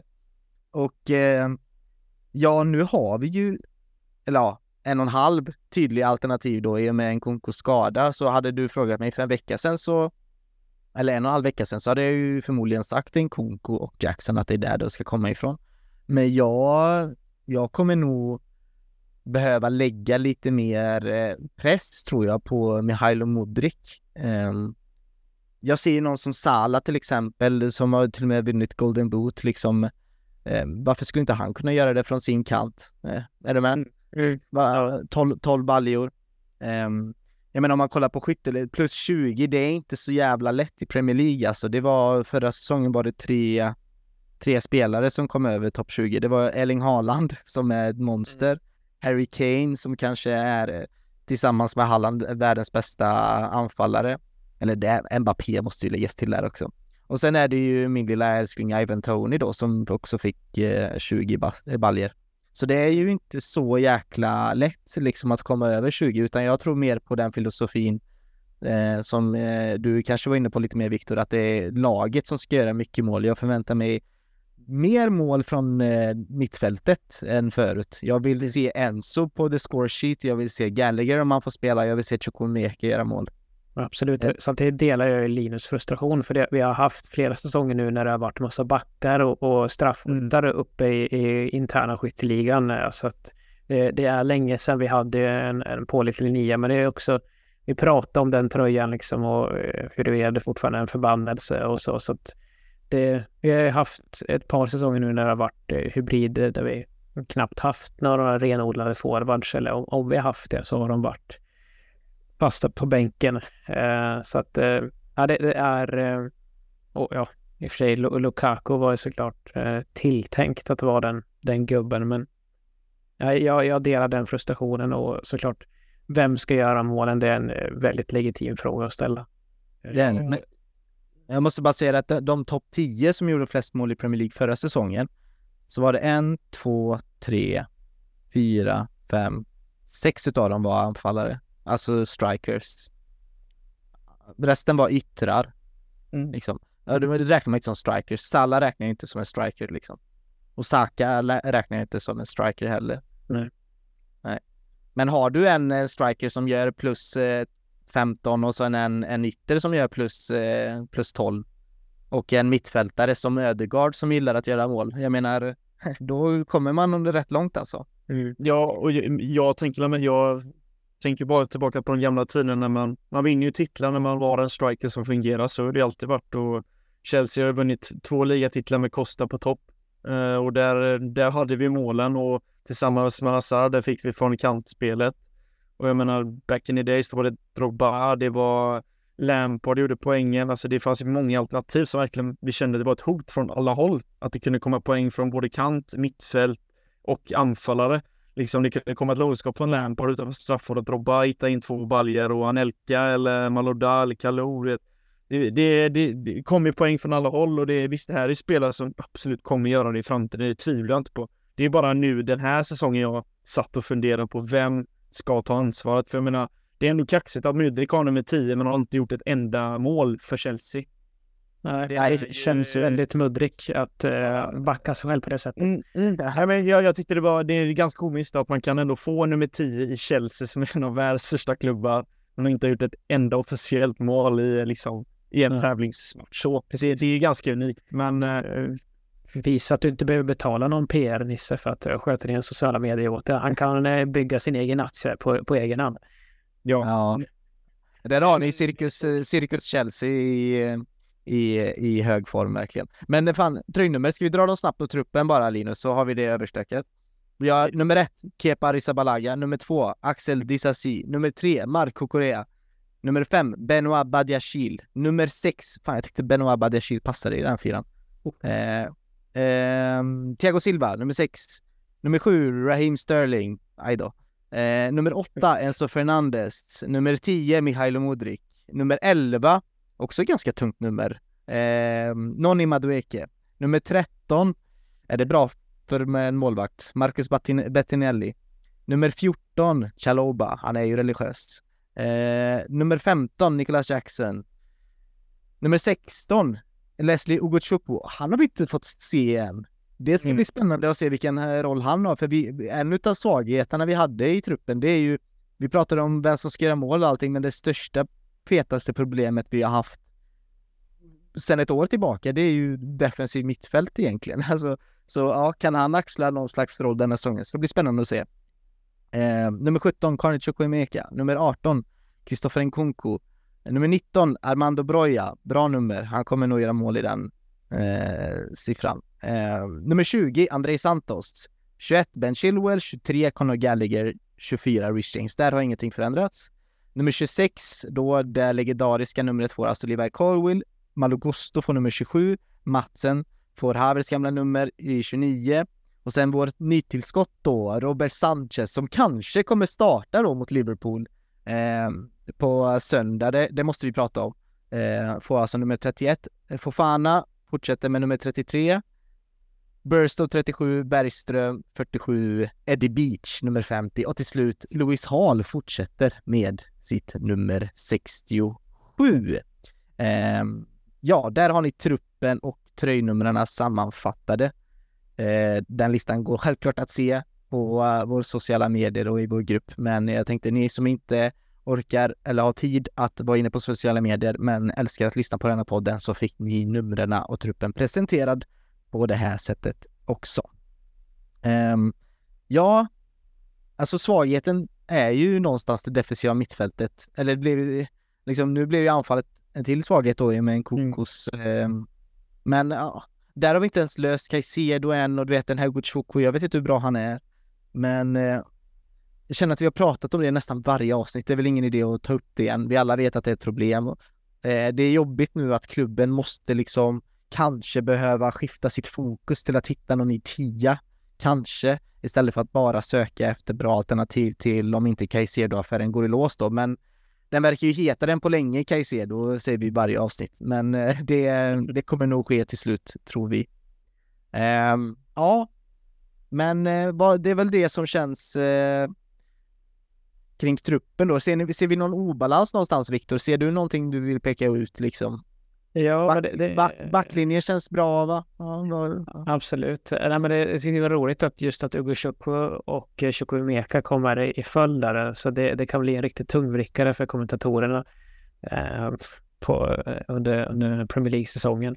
Eh, och ja, kanske är det så att våra farhågor eh, eh är liksom eh, onödiga eh, att eh, Gosciuco kliver in. Men eh, det, Pochettino var ju nästan brutalt ärlig när han fick frågan om, om spelarna. Det, det verkar inte vara en coachvärvning på, på det sättet. Så att eh, det, det, vi har varit inne på det. Vi har många vänsterbackar. Eh, vi har eh, i och för sig en, en hel del innermittfältare, men bara kanske ett namn som är låst i startelvan. Eh, vi har eh, frågetecken minst sagt eh, längst fram i, i, i, banan så att eh, obalans finns det men eh, ja, det, det är eh, ändå det är spännande på något vis. En god känsla. Det, det är ovisst och det är det är fan öppen gata för den som vill göra sig odödlig på något sätt. Så är det verkligen. Jag känner också att det är spännande. Um, men ja, den här truppen ska ta oss till framgång denna säsongen, hoppas vi. Och det kanske självklart tillkommer någon nu innan fönstret stänger. Um, hörni, tiden springer iväg så vi går vidare till uh, lite nyheter kring klubben då. Vi kan berätta att uh, det ser ut då som att Chelsea har gjort det klart med Infinite Athlete då som nya tröjsponsor. Ni som har varit inne på sociala medier har förmodligen sett lite mockup-tryck redan och lite läckta bilder från någon photoshoot där loggan kommer fram lite halvt. Eh, men dealen, Viktor, ska alltså vara värd runt eh, 40 miljoner pund. Sen eh, vet jag inte av det som har läckt då. Det står ju inte hur långt det kontraktet håller eller om det är per säsong eller ja, vi, vi, vi vet ju inte riktigt än för det är inget officiellt just nu medan vi spelar in. Precis, eh, och det matchar väl eh, den ersättning vi fick av eh, tre då som var på tröjorna eh, fram till eh, denna säsong. Och ja, det, det vore ju väldigt skönt bara om vi kunde lägga den här diskussionen åt sidan, att vi faktiskt har en, en tröjsponsor, även om jag hade älskat om, om det var så att vi var, spelade utan att man faktiskt kunde få, få sin hand på tröjor utan en, en reklamblasta på magen. Eh, men det vet vi alla att det, det kommer inte hända. Nej, precis. Eh, jag hade också älskat om Nintendo var på, på bröstet. Det hade varit coolt. Ehm, ja, Angelo Linus, din lilla älskling, han är ju ändå klar nu för Strasbourg. Eh, han kommer tillbringa ett år i Frankrike och utvecklas där, ser det ut som. Eller ja, det kommer han göra. Ja, men det, det var ett, det är ett naturligt steg och det är fullt förståeligt så sett. Det var bara att jag tyckte att den försäsongen visade ganska mycket på eh, så kort tid som jag bara kände att varför inte ge den här killen en chans? Men eh, det är inte heller ett dåligt beslut och jag tror att han kommer nog rocka loss i Liga Ö utan att faktiskt tveka. Jag tror att han kommer göra det riktigt bra och eh, jag tror Strasbourg har något på gång där nu. Så att, Ja, det, eh, jag kollar Strasbourg denna säsongen. Ja, nej men det är helt ärligt. Det är, I år följer vi tre lag. Chelsea, ja jag kollar Blåvitt lite bara för, för Göteborg, men det, det är bara Sta- skit. Stackare. Ja. Precis. Men jag har ju Chelsea och nu har jag även Strasbourg. Det är bara blåa lag, så att det är ju... Och så håller jag på Leksand i hockey. Jag håller på, på samma färger, så det är jättebra. Nej, men eh, det, det ska bli kul att se. Jag kommer faktiskt följa Strasbourg noga nu bara för att vi har så mycket talanger där också. Mm. Vi bestämmer det nu i detta, vi slår fast det här, jag slår i bordet här, att vi kommer ge er en eh, Strasbourg-uppdatering, kanske en gång i månaden eller en gång i kvartalet, lite djupare om hur, hur det går för våra, vårt lilla projekt där nere. Eh, men lycka till till Angelo, och hoppas han kommer tillbaka stark inför säsongen 24-25 blir det. Eh, då då. Det kul Eh, Leksands uppdateringar en gång i kvartalet också. Ja, det, Då ska jag ha betalt. Eh, vi kan också meddela att Louis Hall då ser ut att gå till eh, Crystal Palace och eh, det pratas även där Victor om ett eh, eventuellt nytt kontrakt för honom. Precis, eh, snackas om att det är 6 plus 1 då som det snackas om. Eh, så att det, och att det med vissa andra förhandlingar så har det varit eh, lite fram och tillbaka med vilken längd som det ska bli på kontraktet. Men kan man eh, låsa hål eh, till klubben så pass länge och eh, så är ju det jättebra. Och vi eh, har ju i, i modern tid en väldigt god tradition av eh, innermittfältare som eh, får bra utväxling i Crystal Palace. Alltså, eh, så att det, det är, känns som en väldigt bra situation om det nu är så att vi, vi är väldigt tjocka på, på vänsterbacken där han har spelat en, en hel del och, och eh, på, på innermittfältet är det andra namn som kommer prioriteras. Så det, det känns väldigt rimligt för att han ska bli den bästa fotbollsspelare som han kan bli.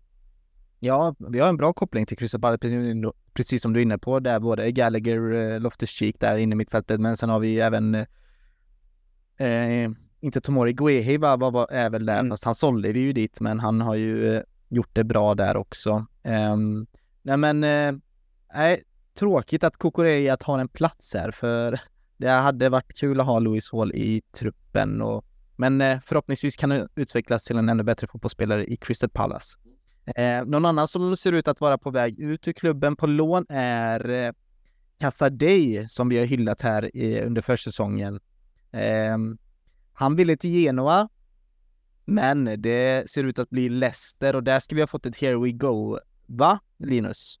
Ja, Romano gick ut tidigare att det ska, läkarundersökning ska göras nu under veckan och det ska inte vara några större problem. Så antagligen så får vi se Casadei igen i Championship så att han får tuffa till sig återigen en säsong. Men nu får han i alla fall vara en toppklubb och inte spela i Reading som bara egentligen åkte ner med ögonen böj utan diskussion. Nu får han ändå vara med nog förhoppningsvis gå upp i Premier League för Leicester har, jag följer Championship en hel del eh, och Leicester var ju på pappret det bästa laget tillsammans med Southampton.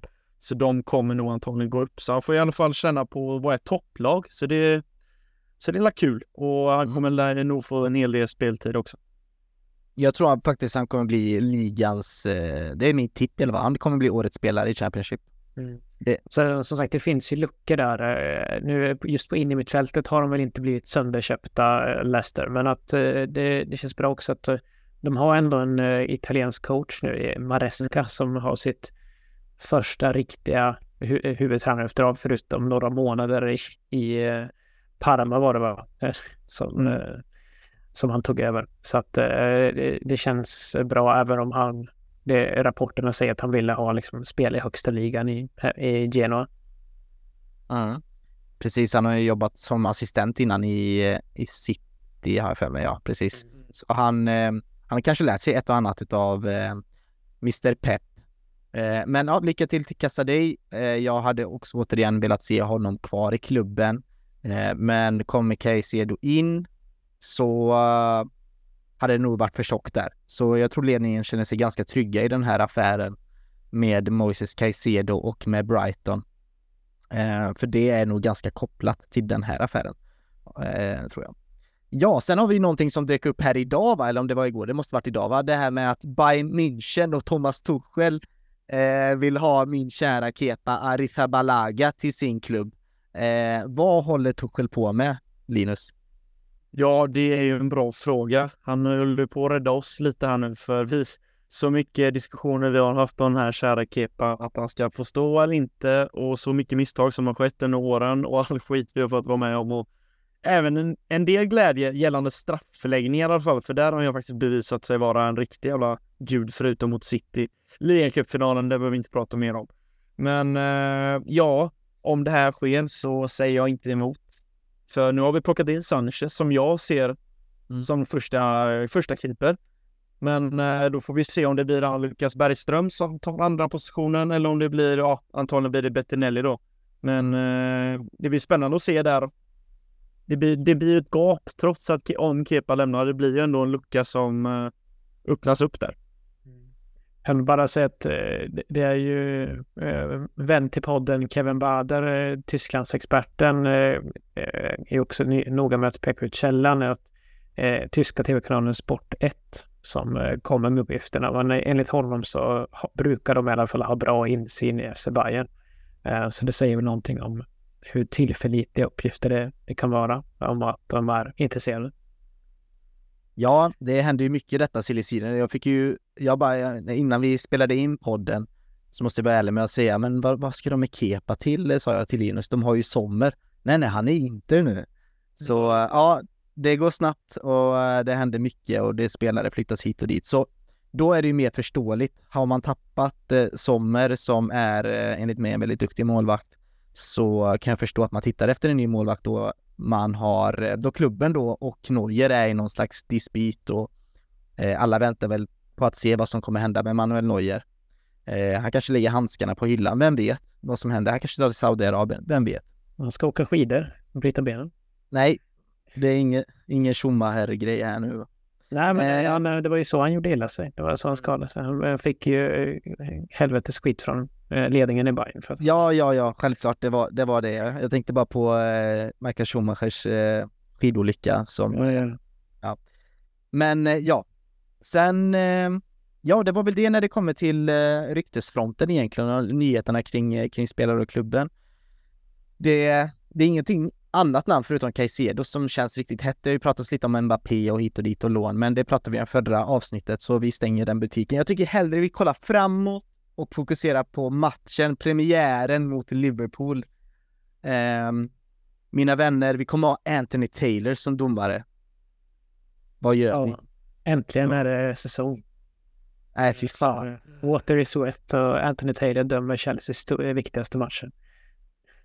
Nej, men det känns ju så jävla, alltså oh, gud vad detta sänkte eh, moralen och hypen direkt. Men eh, förhoppningsvis så kan den förbannelsen dö då i och med det här nya Chelsea. Eh, han kanske gillar den här ledningen lite mer och den här, eh, den här truppen lite mer, Anthony Taylor, eh, Linus. Ja, vi vi får hoppas det liksom. Först kommer en konkoskadan på Twitterflödet, sen kommer liksom att Anthony Taylor ska döma matchen och då kände jag bara, vad kan bli värre? Vad det, det kan inte bli mycket värre för eh, jag minns ju framförallt Tottenham-matchen för förra året där Kokoreyas hår eh, användes som en, eh, heter det, sån här, tappar namnet på det, städborste som man brukar sopa golvet med. Det var lite så de drog ner hans hår i backen. Jag tror det var mer eller men det var som mm. sopade ner honom i backen. Det var, det var ju så tydligt straff så det fanns ju inte. Och sen så lyckas den förbannade Kane få in 2-2. Rhys James drog in 2-1. Men eh, har mycket, mycket fel i den matchen. Nu var ju Taylor. Så är det bara. Och eh, det är ofta hans fel. Det är fa Cup-finaler och det är... Det finns många, många, Det finns- många, många grejer vi kan ta upp och prata om honom som har gjort fel. Maguires eh, stämpling på Batshuayi, den, eh, oh fy fan. Eh, Ja, det, ja. ja. det är sjukt. Men med just den situationen, alltså det var ändå VAR där. Det var väl Mike Deans fel. Det var inte Taylors fel. Ja, Det kanske... Ja, precis. Hur, hur de inte bedömer det som ett uppenbart misstag, det är helt sjukt alltså.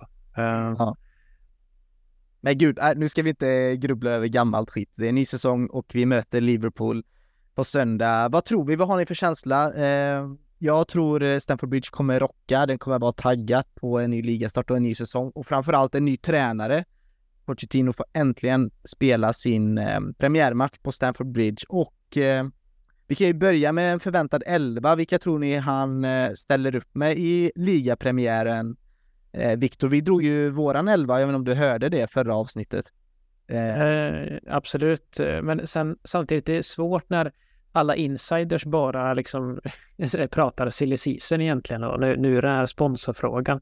Eh, vad, vad som, men samtidigt just mot Dortmund så var det ju inga byten i halvtid att eh, man, man, om man vill dra lite ledtrådar där, att det dröjde till den 70 minuten innan man gjorde de här bytesvågen.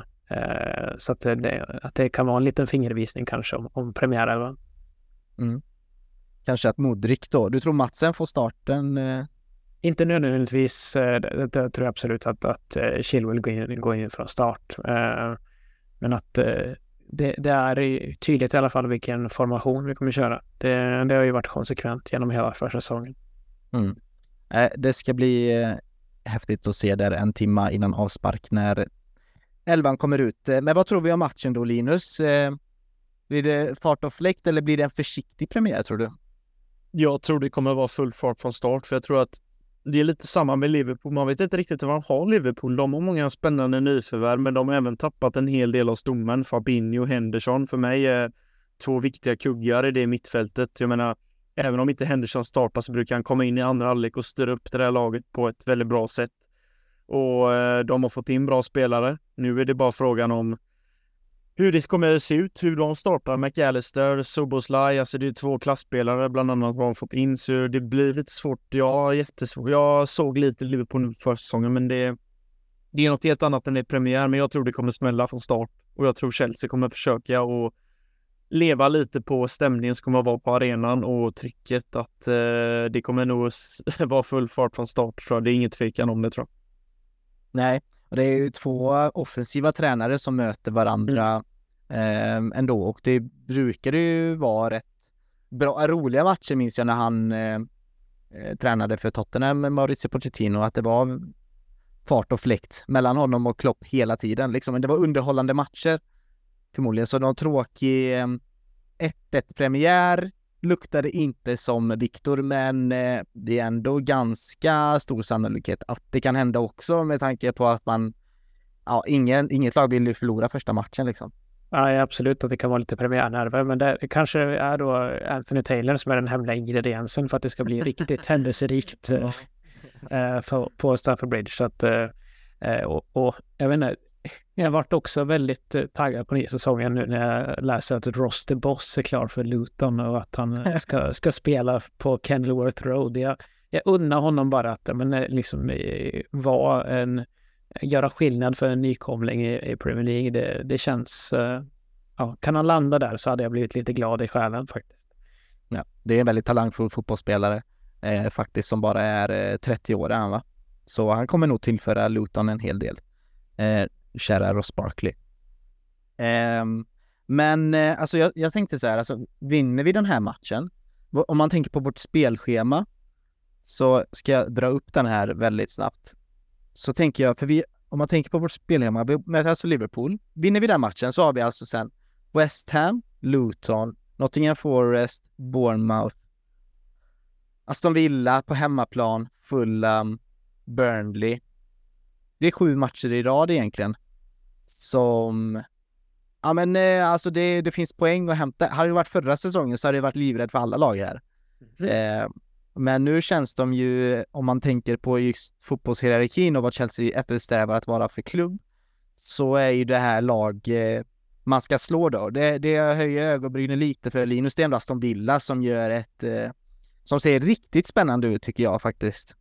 Ja, det är för mig är det topp 6-lag i år. Det, de, de, de är lite så, de Newcastle tycker jag tävlar mycket mot varandra rent truppmässigt, men äh, Villa har ett äh, fruktansvärt bra lag och få, alltså få Watkins en hel säsong med liksom kontinuerligt målskytte, då har ju de äh, ett sylvasst lag och liksom vi vet vilka kvaliteter de har. De tar in Diaby från Bayer Leverkusen som har börjat jättebra. De tar in Thielemans från Leicester jättebra affär de plockar in för att de åker ner också så att det blir inte, prislappen blev ju inte så galen som den kunnat lite om man har värvat om Leicester har varit kvar i serien. Så nej, Han gick, han gick gratis. Det var Boston. Ja, Ja, ja, boss, det var till och med Bosman ja. Ja, precis. Det är ju också om att vi fått in Pau Torres om jag inte missminner Ja, mig i försvaret. Så jag menar alltså det är Unai Emery bygger något rejält där. Och man ska nog se upp för det, för det är inte så många som pratar om Villa rent generellt. Man pratar om top four liksom, att det ska handla om framförallt City, Arsenal,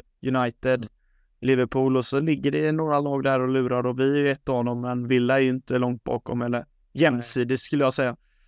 I andra änden av diskussionen har vi ju West Ham. Alltså, det skulle ju kunna eh, få önsketänkande att vi inleder med sex poäng. Men eh, West Ham verkar ju vara ordentligt kaos. Alltså, det är precis som vi i och för sig så är det stora förändringar så här tätt in på säsongspremiären i, i, i truppen här alltså. Och ja, Mois eh, kan vara på väg ut. Ja, det är det Lite sjukt att, synd. sjukt att han inte är det. Alltså. Ja, ja. Men alltså att snacka upp Liverpool kan vi göra, det, vi kommer inte komma någon vart, så jag tycker det är roligare att prata om Premier League egentligen. Ska vi tippa vår topp sex då? Och topp, eh, eller de, de tre vi tror åker ut. Mm. Och lite, så kan vi ju snurra tillbaka sen till det här avsnittet när ligan är över och se hur kassa vi var liksom. Men eh, ja, vill du Linus, du, du känner dig taggad? Vill du börja? Och Mm. dra gärna kommentarer om det är något lag du vill, som Villa här då till exempel. Eh, fanns ju mycket att säga om, om Aston Villa. Jag, jag tycker de har en bättre tränare än vad Newcastle har. Jag, jag tycker Unai Emery är en bättre tränare än Eddie Howe. Men eh, ja, det, börjar du din topp 6? Ja, min topp 6, då skulle jag säga att det är, eh, är City, är Arsenal, eh, Liverpool, United, Chelsea, Newcastle. Mm. Det är min topp 6. Sen får ni tänka hur ni vill, men eh, jag har funderat och tänkt på det också utanför poddtiden här också. Men eh, de som åker ner är i alla fall Luton, Sheffield United. De eh, bland annat tappar de Sander Berge då till Burnley, vilket är helt otroligt hur man kan tappa en så duktig mittfältare till en konkurrent som även gick upp samma år. Så att det kommer nog straffas ordentligt för. Sen tror jag även att det är eh, Bournemouth har jag tänkt på att det nog blir. Mm. Eller Brentford, det har varit lite mellan dem, men eh, jag, jag, jag säger det. Ja, du hade Villa som din topp 6 men du inkluderade dem inte. Så äh, Newcastle, man... nej, nej. Ja, alltså nu när jag tänkte efter, alltså det är ju mellan, det är ju sexa och sjunde plats de två tävlar mellan varandra, så att eh, jag, ja, jag slår till min Newcastle. Det blir inte hur de ska liksom få ihop ligaspelet för Champions League, det blir också en spännande kombo. Vi vet ju hur det har gått innan, så att ja. Mm. Ja, det är intressant eh, topp 6 där. Viktor, vilka har du? Eh, Jag börjar i andra änden. Jag, jag säger också att Sheffield United och Luton åker men de får sällskap av Wolves. Eh, det, Ja. det är också kaosklubb de- deluxe. Eh, I och för sig, de har ju haft vana att- att sparka tränare, men nej, det, det kommer inte hålla.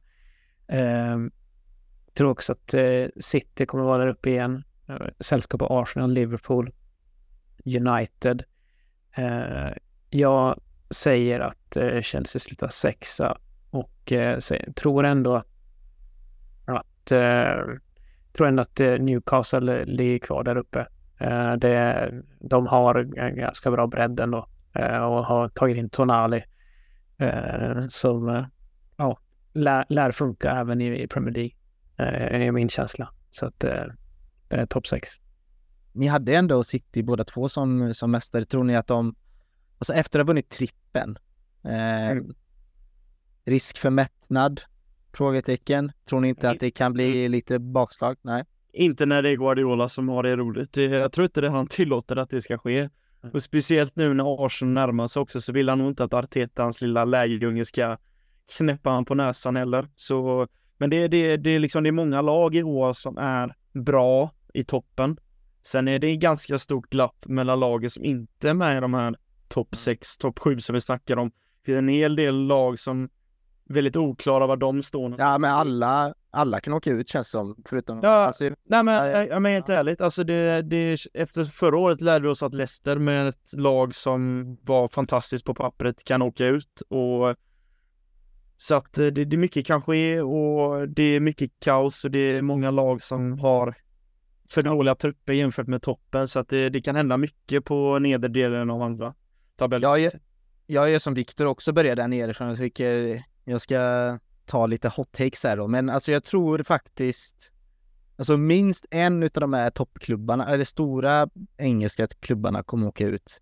Eh, men jag väljer att vara så fräck och lägga två där till och med. Och jag lägger faktiskt Everton och West Ham att åka Mm. ut. Mm. Och, eller, eller du vet, Wolves sitter nära där alltså. Eh, för att de, efter de har gjort sig av med Lopetegui, jag vet inte, men jag tror de kan klara sig ändå. Han var ju inte helt fantastisk i klubben heller. Nej, Alltså nej, det, har nej. inte, det har inte varit att, eh, att de sparkar en, en tränare som har vunnit titlar. Det har ju varit mest att han fick någon slags struktur i det, men det var inte att det var glänsande fotboll på något sätt. Nej men precis, men vi får se, det, det ska bli jävligt intressant att se eh, hur de, eh, hur de spelar sin fotboll nu denna säsongen. Men det, det finns en liten risk där, men jag tror mer på att Ev- Everton är nog den, eh, den, eh, den klubben i hela Premier League som har mest kris, tror jag egentligen. Ja, har inte Och när det- förstärkt någonting. Alltså, Nej, det är helt, alltså West Ham har ju kris på ett annat sätt och där är ju mycket Moyes i centrum och eh, han har ju inte samma aura och folk vill inte kanske spela för eh, David Moyes som tränare, så det ser jag mer som ett Moyes problem. Jag ser inte att det är klubben. Ehm, visst, det, vi kan bjuda in en West Ham-supporter någon gång när det vankas eh, eh, match här. Nu kanske inte det kommer ske nu inför eh, den här tredje omgången eller vad det blir. Men eh, det finns säkert djupare anledningar till varför det ser ut som det gör. Eh, när jag tror mycket att det är eh, Mois fel. Säkert också ledningen. Men ja, där jag tar alltså Everton, West Ham och eh, jag vill att Luton ska klara sig, men eh, jag får nog ta in dem, men det är mellan dem och Sheffield United. Så min topp 6 då, alltså jag, jag tror fan Arsenal vinner ligan alltså. Och, ja, jag väntar bara på att eh, bluffen Arteta ska synas. Nu sa jag i och för sig att de ska sluta tvåa, men eh, snart så eh, kommer han stupa. jag, jag hoppas det. Jag ber Ja. för det. Nej, jag är så trött på alla dessa jävla klyschor och grejer man har fått sett eh, efter den här dokumentären de spelade in med lite med Insa när man fick se Arsenal och de har en hund som heter Win och så la de ut den här förbaskade hunden på, in, på Twitter, jag bara koka. Att, han, han jobbar ju mycket med det och det var, de har även en eh, titel, och jag vet inte om det är på träningsanläggningen, att det är en Premier League-titel som är skuggad i svart på något sätt, att det, den ska komma fram i ljuset, att de ska vinna den och ja, du vet, det är Ja, det är så cringe.